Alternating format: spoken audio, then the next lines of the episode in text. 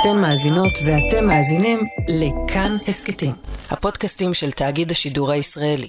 זו אולי הזכות היסודית ביותר ששמורה לעובד שחש שהמעסיק שלו פוגע בזכויותיו, הזכות לשבות.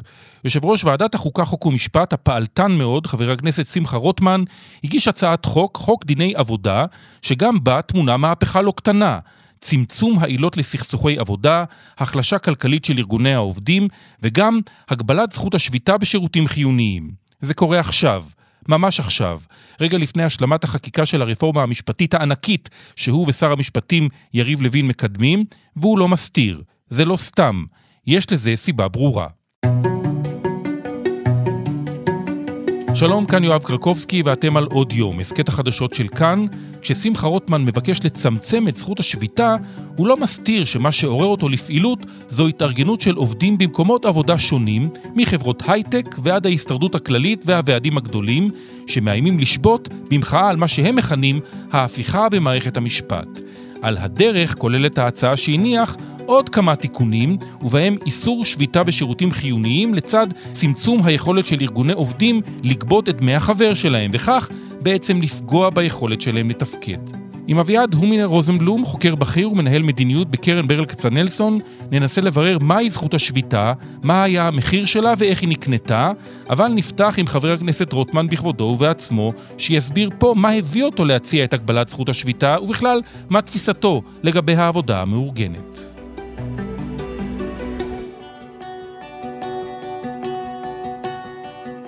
שלום שמחה רוטמן. שלום וברכה. אז לפני שנדבר על פרטי החוק שאתה רוצה לקדם, אולי קודם כל כדאי לשאול, מה אתה בכלל חושב על זכות השביתה באופן כללי לעובדים? אני חושב שזכות השביתה אה, היא מאוד מאוד חשובה. לכל אדם בכלל, וגם אה, גם ערך יסודי מאוד, כולל, אה, כולל במשפט העברי, שמשתמש במינוח מאוד, מאוד מרחיק לכת.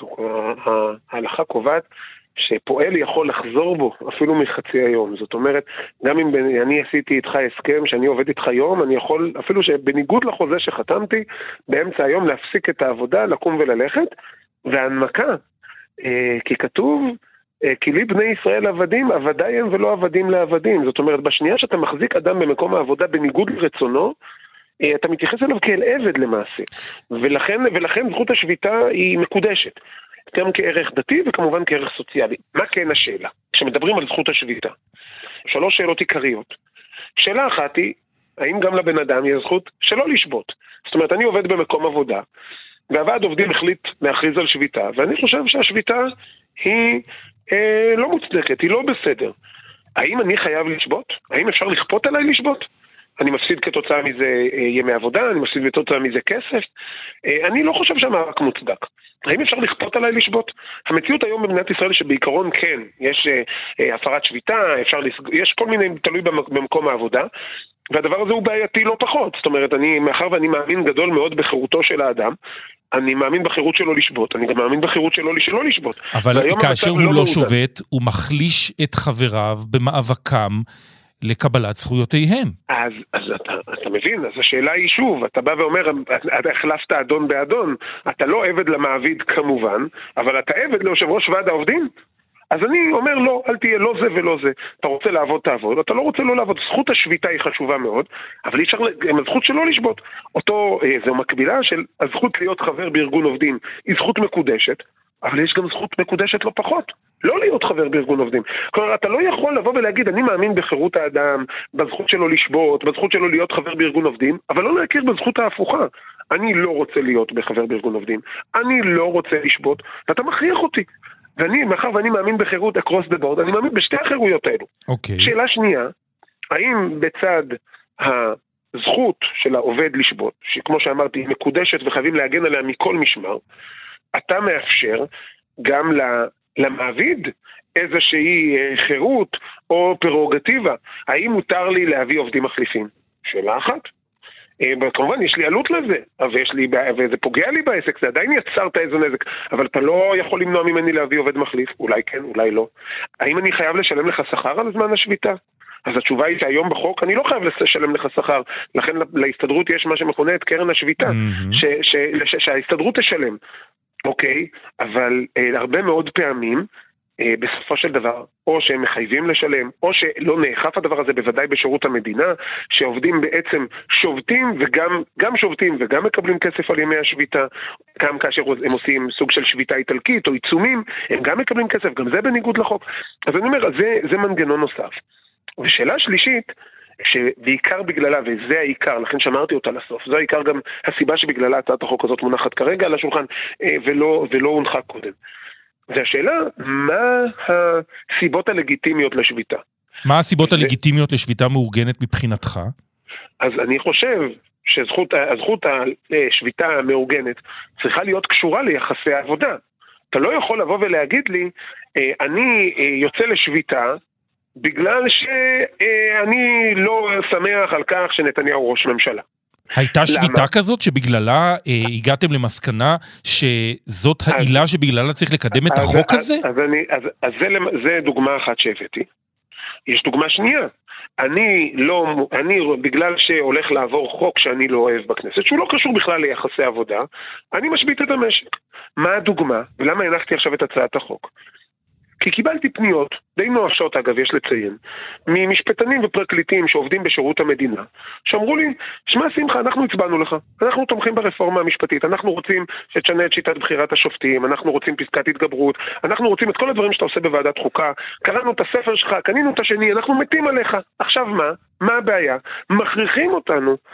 להשתתף בכל מיני אירועים, או מאיימים עלינו, או דורשים, או הולכים לקראת השבתה ועיצומים, כמחאה לרפורמה המשפטית, שהיא לא קשורה בכלל ליחסי עבודה. הרי הפרקליטים בשירות המדינה לא אמורים להיות מושפעים מהעובדה שאיך משני, איך עובדת הוועדה לבחירת שופטים. זה לא קשור אליהם, זה עניין פוליטי.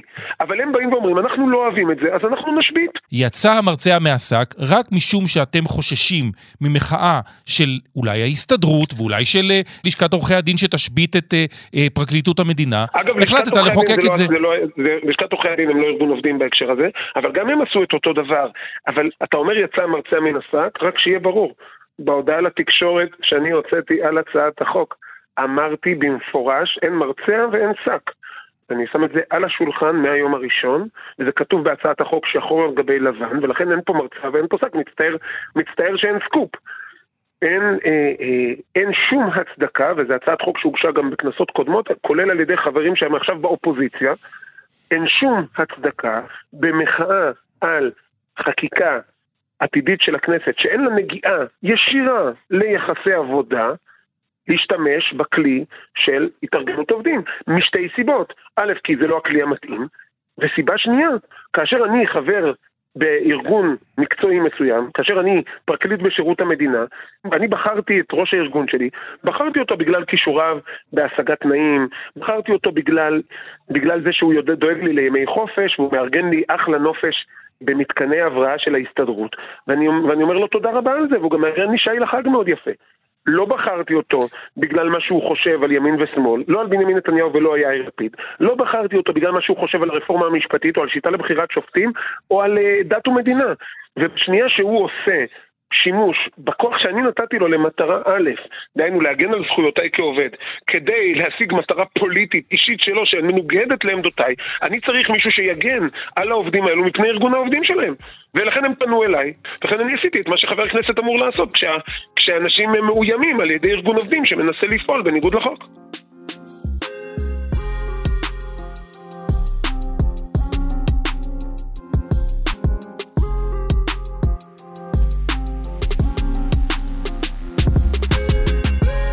אבל אתה הוספת בתוך הצעת החוק עוד כמה סעיפים. לדוגמה, מנית רשימה מאוד ארוכה של שירותים חיוניים שבהם תיאסר השביתה בכלל.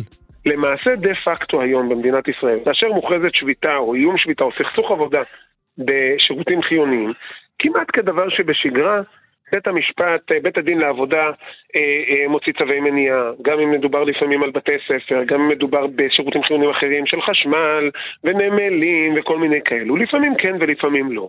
הנושא הזה בעיניי הוא חשוב. והוא מוסדר בהרבה מאוד מדינות בעולם בחקיקה.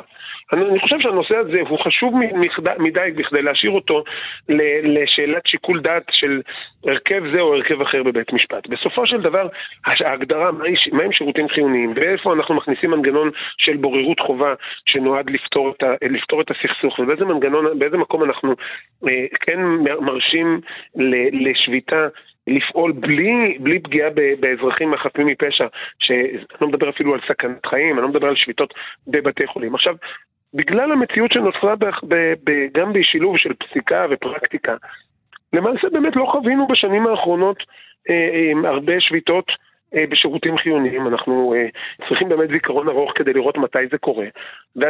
וזה נוצר רק בפרקטיקה, זה נוצר בשאלה, ועדיין הנעלם רב על הגלוי. ואני חושב שהסדרה בחקיקה של משהו שהוא למעשה די הפרקטיקה הקיימת, אה, אני חושב שזה עושה סדר. אבל ברור לך מן הסתם שאני לא, אה, אה, בוודאי לא בלו"ז העמוס שיש לי כיום בקידום הרפורמה המשפטית, אה, באתי להסדיר את כלל יחסי עבודה במשק. הצעת החוק בהחלט מבקשת לעשות את זה, אני הגשתי אותה בגלל שהיא הוגשה בעבר על ידי ח"כים מהקואליציה ומהאופוזיציה ויש עליה איזה סוג של קונצנזוס, וחלק מההסדרים האלו הם בהחלט שם, אבל, ואני מאמין במה שכתוב שם. אבל הסיבה שהיא הוגשה על ידי כעת היא בגלל האירוע של השביתה הפוליטית, בגלל איומים שעובדים שתומכים ברפורמה המשפטית קיבלו מוועד העובדים שלהם. יש עוד המון הסדרים, כולם טובים, אפשר לנהל על כולם דיון בהצעה, אבל זה כרגע מבחינתי לא בלב האירוע. מה שבלב האירוע זה עובדים שמרגישים ברדיפה פוליטית על ידי ראשי הארגונים שלהם, ולכן הם פנו אליי לסיוע, ואני חושב שזו תפקידי לעזור להם ולהגן עליהם. יש נושא נוסף שמופיע בהצעת החוק, זה העניין של מימון אה, ארגוני עובדים. ארגוני עובדים יוכלו לממן את עצמם בצורה הרבה יותר קשה על פי הצעת החוק שמוגשת עכשיו לפחות על ידך, בשעה שמימון המפלגות הולך ועולה, דווקא המימון של ארגוני העובדים הולך ופוחת? מימון של ארגוני עובדים, מהיכן הוא מגיע? הרי הוא לא מגיע מהממשלה. משכר העובדים? הוא, נכון, הוא מגיע משכר העובדים, ומה, ואני חושב שבזה פתחתי את דבריי.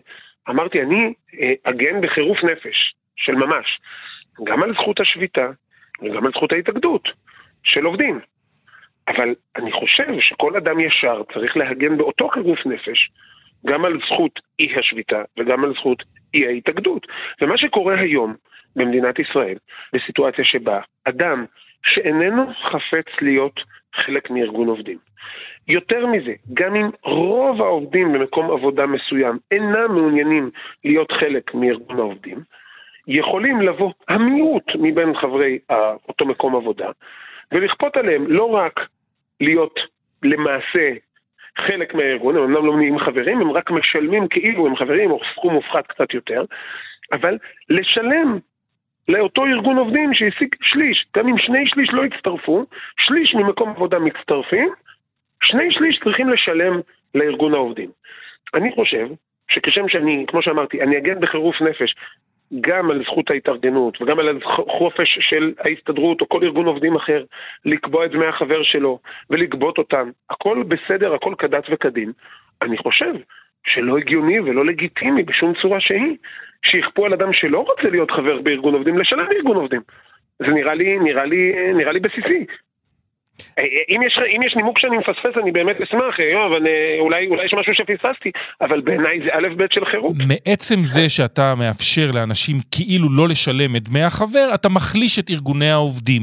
גם אה, מס הכנסה, לא כל הציבור רוצה לשלם, אך חייב לשלם. ועל מנת לקבל הגנה, וכדי שההגנה תהיה הגנה קולקטיבית, צריך לשלם את דמי החבר. זאת אומרת שאתה בא ואומר... זה כמו ביטוח לאומי. אז זאת אומרת שאתה בא ואומר, יש מס שמדינת ישראל מטילה על אזרחיה, היא מטילה אותם רק על אזרחים שעובדים במקום עבודה מסוים, לבחירה של שליש מחברי מקום העבודה, אם אנחנו, אם, אם, אם אתה ואני והמפיק הנחמד של התוכנית נעבוד באותו מקום עבודה, בשלושה אנשים, ואני אחליט שאני מצטרף להסתדרות, אפילו אם שניכם תעמדו ותצעקו, אנחנו לא רוצים להצטרף להסתדרות, אתם תצטרכו להתחיל לשלם להסתדרות. וזה נראה לך הגנה על זכויות עובד, וזה נראה לך הגנה על חופש ההתאגדות, וזה נראה לך הגנה על החירות והתעסוקה, אז אני רואה את זה הפוך.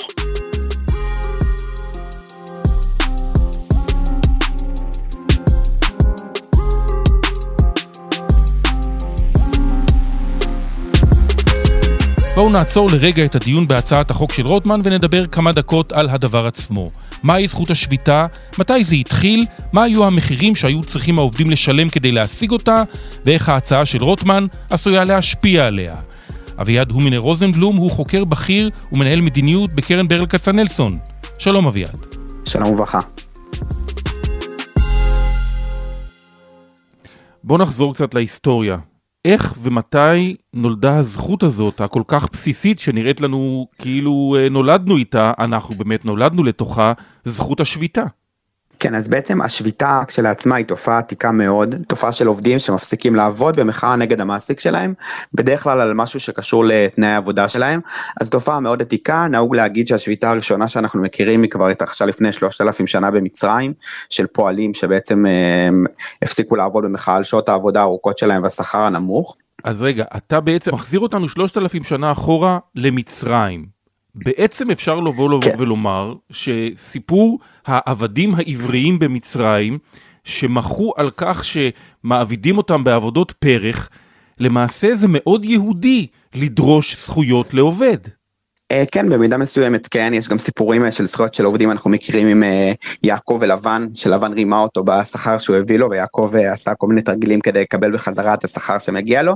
נכון, בעצם כל הסיפור הזה של עובד שלא מקבל את השכר הראוי, זה סיפור מוכר, אגב, גם בתורה יש מצווה שאומרת שחייבים להביא לעובד את השכר כל יום ואסור להלין את השכר שלו. הסיפור הזה של ניצול עובדים ושל עובדים שדורשים את הזכויות שלהם, זה סיפור שקיים כנראה מאז ימי האנושות. אה, וככה לאורך ההיסטוריה אנחנו מכירים את התופעה הזאת מכל העולם, זו תופעה אפשר להגיד כמעט טבעית, פשוט עובדים ש, שלא היו מרוצים ממה שהמעסיק נתן להם ופשוט שבתו והפסיקו לעבוד. אבל לאורך השנים ולאורך רוב ההיסטוריה המעסיקים היו שוברים את השביתות האלה בכל מיני דרכים, אה, חלקם דרכים אלימות מאוד, זאת אומרת פשוט אה, באלימות מכריחים את העובדים לחזור לעבודה, ואנחנו מכירים גם תופעות של הרג של עובדים, זה נכון אפילו למאה ה-19 ולתחילת המאה ה-20, לא לפני 3,000 שנה. אבל האירוע המשמעותי ביותר שזכור לנו הוא האחד במאי. ההפגנות שמתקיימות בסוף המאה ה-19, 1872, 1884, 86, זה בעצם המועד שבו העובדים בארצות הברית, הפועלים, תובעים להגביל את שעות העבודה שלהם לשמונה ותשע שעות, לא יותר מזה. מזה בעצם מתפתחת ההפגנה הגדולה שבה עובדים משלמים בחייהם כדי לקבל את זכויותיהם.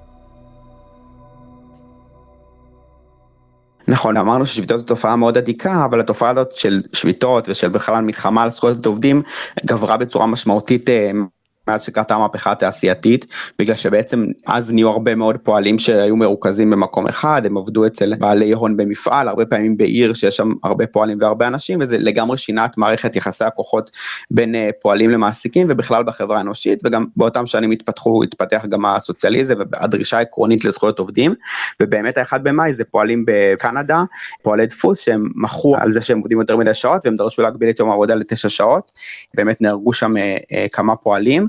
ולכן הדגל אגב של הסוציאליזם ובכלל שמזוהה עם העובדים הוא אדום, זה אדום מדם של, ה, של הפועלים שמתו ושילמו בחייהם, ובאמת אחת הדרישות הראשונות של העובדים זה בעצם קיצור יום העבודה. אנחנו מכירים שביתות בדרך כלל על סיפור של השכר, אבל גם כל תנאי העבודה מסביב, הם גם סיבות לשביתות של עובדים. בוא נקפוץ אה, אה, אביעד כמה שנים קדימה, מתי בישראל מתבססת הזכות לשבות ובאיזה מחיר? אז בעצם גם בישראל, אה, בארץ ישראל המנדטורית, היו פועלים יהודים וערבים ששבתו, זה היה חלק מה, מהסיפור כאן, כמו בכל העולם. כשקמה המדינה, מדינת ישראל הצעירה חתמה על כל מיני אמנות בינלאומיות שהסדירו את uh, זכות ההתאגדות. אה, אגב, גם ביוזמה של האמנות האלה ובהקמה של ארגון העבודה הבינלאומי היו מעורבים הרבה יהודים ככה שיצאו מהשואה ורצו להגן את זכויות האדם. אז מדינת ישראל חתמה על זה, ובעצם בחתימה היא הכירה בזכות לשביתה. Uh, ב-1957, גם בחוק הסכמים קיבוציים, אז מוזכרת שם השביתה ומוזכר האיסור להחליף עובדים בעובדים אחרים בעת שביתה. אמנם לא כתוב שם שיש זכות לשבות, אבל בעצם זה מה שמובן מהחוק הזה. אה, כן צריך להגיד שכבר מההתחלה היו למדינה כל מיני מריבות עם ארגונים ששבתו, אנחנו יודעים הרי שההסתדרות היא ארגון מיוחד ברמה העולמית, שהיא מצד אחד איגוד עובדים, מצד שני זה ארגון שבעצם הקים בהרבה מובנים את המדינה הזאת, והיה מעסיק ענק, המעסיק הכי גדול במשק, אז היה אירועים על זכות השביתה מכל מיני עובדים שלא היו בהסתדרות, שהיו במקומות אחרים, אבל באופן רשמי לפחות המדינה המדינה הכירה בזכות השביתה כבר בהקמה שלה ממש, ועד ימינו היום.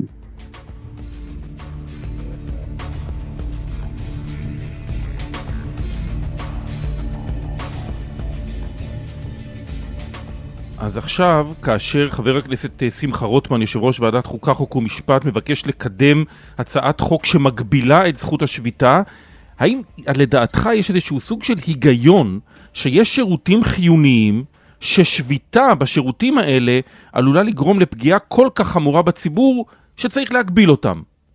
תראה, א', צריך להגיד היום שבישראל כבר יש בעצם שירותים כאלה, לדוגמה בצבא ובמשטרה בכלל אסור להם להתאגד ובטח שלא לשבות, אז זה כבר נכון, נכון היום. ומעבר לזה, זה לא שאנשים חושבים לפעמים שאפשר, שעובדים פשוט יכולים לקום בבוקר ולשבות, אבל זה לא נכון, מדינת ישראל כבר הטילה הרבה מאוד מגבלות על אה, זכות השביתה, בעצם עובדים צריכים להכריז על סכסוך עבודה, ועד יש 14 ימים, ואחרי זה הם צריכים להכריז עוד פעם על זה שהם הולכים לצאת לשביתה, ועד יש עוד 14 ימים, ובדרך כלל הולכים לבית הדין, ובית הדין הרבה פעמים לא מתיר לעובדים לשבות, אז זה לא באמת שעובדים יכולים כל יום להחליט על שביתה ושאין על זה מגבלות, ואנחנו גם מכירים את זה, אגב, תנסו להיזכר מתי היה בישראל פעם אחרונה שביתות בשירותים חיוניים, זה כמעט ולא קורה, ו- ואגב בשנים האחרונות יש ירידה במספר השביתות. אז אני לא חושב שיש כאן איזה צורך נחוץ, בעיניי זה משהו אחר, יש כאן שני דברים. אה, א', העתקה של מודל שמקובל בארצות הברית, יש שם מלחמה בשנים האחרונות, ואפילו בעשורים האחרונים נגד אה, איגודי העובדים, ובעצם אוהבים להעתיק בארץ את כל מה שקורה כאן, גם את התופעות הפחות חיוביות. והדבר השני, אני חושב שהסיפור הזה של מלחמה נגד ההסתדרות בעיקר, זה קשור גם לכל הסיפור של הרפורמה המשפטית, והרצון לסגור את התאגיד, והסיפור עם. בעצם הממשלה מנסה לפגוע בכל גורם כוח שלא כפוף לה ישירות, ותמיד איגודי עובדים זה אחד מגורמי הכוח הראשונים שמנסים לפגוע בהם.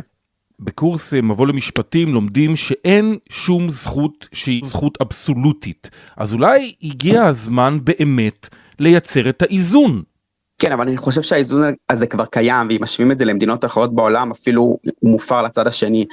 בדיוק אה, במקרה, הסייעות בצהרון של, ה, של הילדים שלי רצו לשבות בגלל שהן מקבלות שכר באמת לא ראוי, ושהמצב שם קטסטרופלי בהקשר הזה. לא מוצאים סייעות, הן כל הזמן מתחלפות, באמת המצב מאוד גרוע, אז הם החרידו שהן רוצות לשבות, ואז העירייה הלכה לבית הדין לעבודה, ובית הדין לא אישר להם לשבות, והכריח אותם לשבת למשא ומתן ביחד עם העירייה. אז האיזון הזה כבר קיים, זה מאוד קשה לשבות בישראל. יש הרבה מגבלות, גם למה מותר אפשר לשבות ובאיזה מצבים. כשרואים את כל הצעת החוק הזאת, בעצם לקחו סעיפים שחלקם קיימים בכל מיני מדינות בעולם, אבל איגדו הרבה הרבה הרבה סעיפים למשהו אחד, שבסוף השורה התחתונה שלו, אם כל הדבר הזה יקרה, שלא יהיה איגודי עובדים בישראל, כי לא יהיה להם דרך לממן את עצמם, הם לא יוכלו לעולם לצאת לשביתות, שזה בעצם הכוח היחיד שיש להם, ובעצם יבטלו את איגודי העובדים בישראל. וצריך להגיד שהרבה דברים שאנחנו מכירים היום ומובנים לנו מאליהם, הגיעו בזכות איגודי עובדים, שכר מינימום, פנסיה חובה, קליטה של עובדי קבלן לשירות המדינה, הגדלת שכר של העובדות הסוציאליות, של המורות, של הרופאים. בלי איגודי עובדים הדברים האלה פשוט לא היו קורים, וזה כנראה העתיד שרוטמן מתכנן לנו. אז מה זה בעצם? איך אתה יכול בעצם לראות את זה מבחינת אה, אה, צמצום זכויות האזרח? האם אתה חושב שהתוכנית הזאת אה, של יושב ראש ועדת חוקה, חוק ומשפט, היא למעשה צמצום הדמוקרטיה? אין לי ספק בזה, הזכות בעצם להתאגד ולשבות זה אחת מהזכויות הבסיסיות בדמוקרטיה, אמרתי שהזכות להתאגד גם מוכרת באמנות הבינלאומיות של זכויות אדם, וגם על ידי בית המשפט בישראל הזכות להתאגדות הוכרה כחלק מכבוד האדם, אז ברור לי שהפגיעה בזכות להתאגדות והפגיעה בזכות השביתה זה פגיעה בזכויות האזרח שלנו, וגם עוד פעם פשוט מנסים להילחם כאן בגורמי כוח, אנחנו מכירים גם את זה מפולין והונגריה, הונגריה בעצם עשתה צעדים חלקם ממש דומים למה שרוטמן מתכנן כדי להילחם באיגודי העובדים שלה, וממש אותם למינימום, לא כאלה, אלא פשוט מבפנים על איגודי העובדים, המפלגה שליטה שם, וגרמו לזה שהם יתמכו בהם. איגודי העובדים זה כוח משמעותי שיש לעובדים, שיש לאזרחים, שהוא לא כפוף ישירות לממשלה. וממשלה שמנסה בעצם לשבור כל כוח אזרחי, מנסה להפוך את השליטה של הממשלה לאבסולוטית, עוד פעם במערכת התקשורת, במערכת המשפט, במערכת החינוך. אז זה נכון גם לשוק העבודה. אחד הדברים המשמעותיים שאנחנו נמצאים בהם כל יום זה שוק העבודה. והממשלה מנסה לשבור את הכוח של העובדים גם בו. מי עומד מאחורי הרעיונות האלה?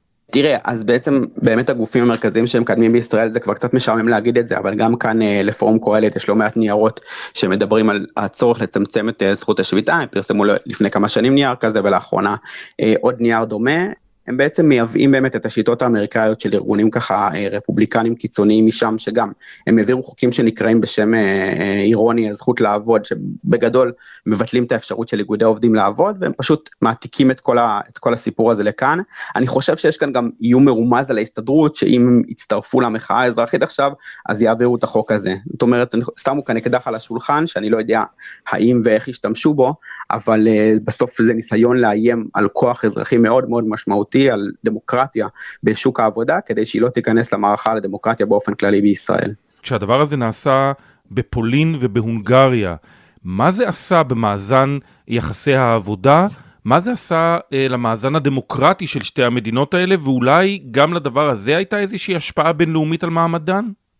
כן, בוודאי, המלחמה של הונגריה בזכויות עובדים החריגה אותו מהאיחוד האירופי, אחת המחאות של האיחוד האירופי נגד הדברים שקורים בהונגריה הייתה גם על החוקים שלה שמגבילים את, אה, את איגודי העובדים, וזה בוודאי קשור למאזן הדמוקרט, הדמוקרטי שלה, ואגב, צריך להגיד גם מהצד השני, שאנחנו כבר יודעים היום בעולם שאיגודי עובדים, זה שיש בכלל איגודי עובדים והרבה עובדים מאוגדים, ובאופן ספציפי לעובדים המאוגדים זה מעלה את השכר שלהם ומקטין את אי השוויון. יש מתאם מאוד גבוה בין אה, מדינות שיש בהן שיעור עובדים מאוגדים לאי שוויון נמוך, לחלק גדול של, יותר של העובדים בהון, אז בעצם פגיעה באיגודי העובדים גם מקטינה את הדמוקרטיה במדינה ומקטינה את הכוחות האזרחיים שיכולים לעמוד נגד הממשלה ולא לתת לכוח אבסולוטי, וגם מגדילה את העוני ואי השוויון. אביעד, תודה רבה לך. תודה רבה.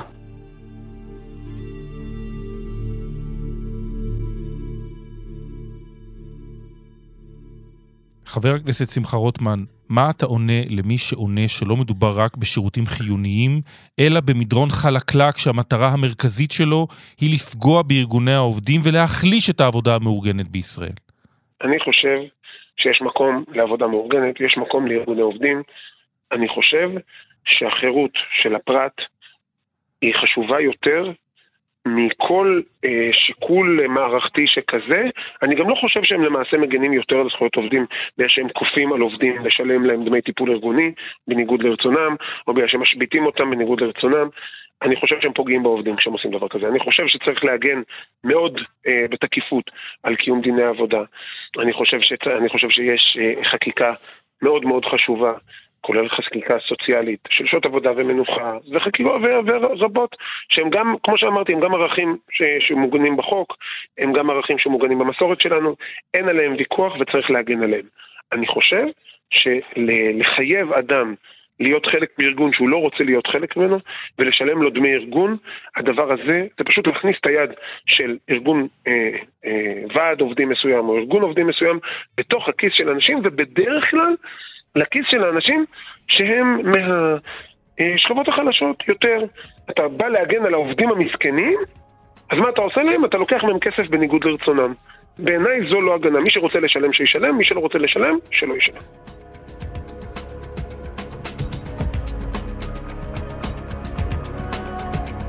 חבר הכנסת שמחה רוטמן, יושב ראש ועדת חוקה, חוק ומשפט, תודה רבה לך. תודה רבה, שלום שלום. האזנתם לעוד יום. העורך דניאל אופיר, עיצוב קול ומיקס אלעד זוהר, ביצוע טכני יוסי תנורי, אריק מור ושמעון דוקרקר. בצוות האורחים, יותם רוזנבלד. היה לכם מעניין? אז קדימה, תשתפו את הפרק. אם אתם מאזינים לנו בספוטיפיי או באפל פודקאסט, נשמח אם תיתנו לנו דירוג גבוה. הערות על מה שאמרנו, אתם מוזמנים ומוזמנות לכתוב בקבוצת כאן הסכתים בפייסבוק. אפשר גם בחשבון שלי בפייסבוק או בטוויטר שלי. פרקים חדשים של עוד יום עולים בימי ראשון, שלישי וחמישי, ואת כולם, וגם הסכתים נוספים מבית כאן, תוכלו למצוא בכל מקום שבו אתם מאזינים להסכתים שלכם, או באתר שלנו. כאן יואב קרקובסקי. נשתמע.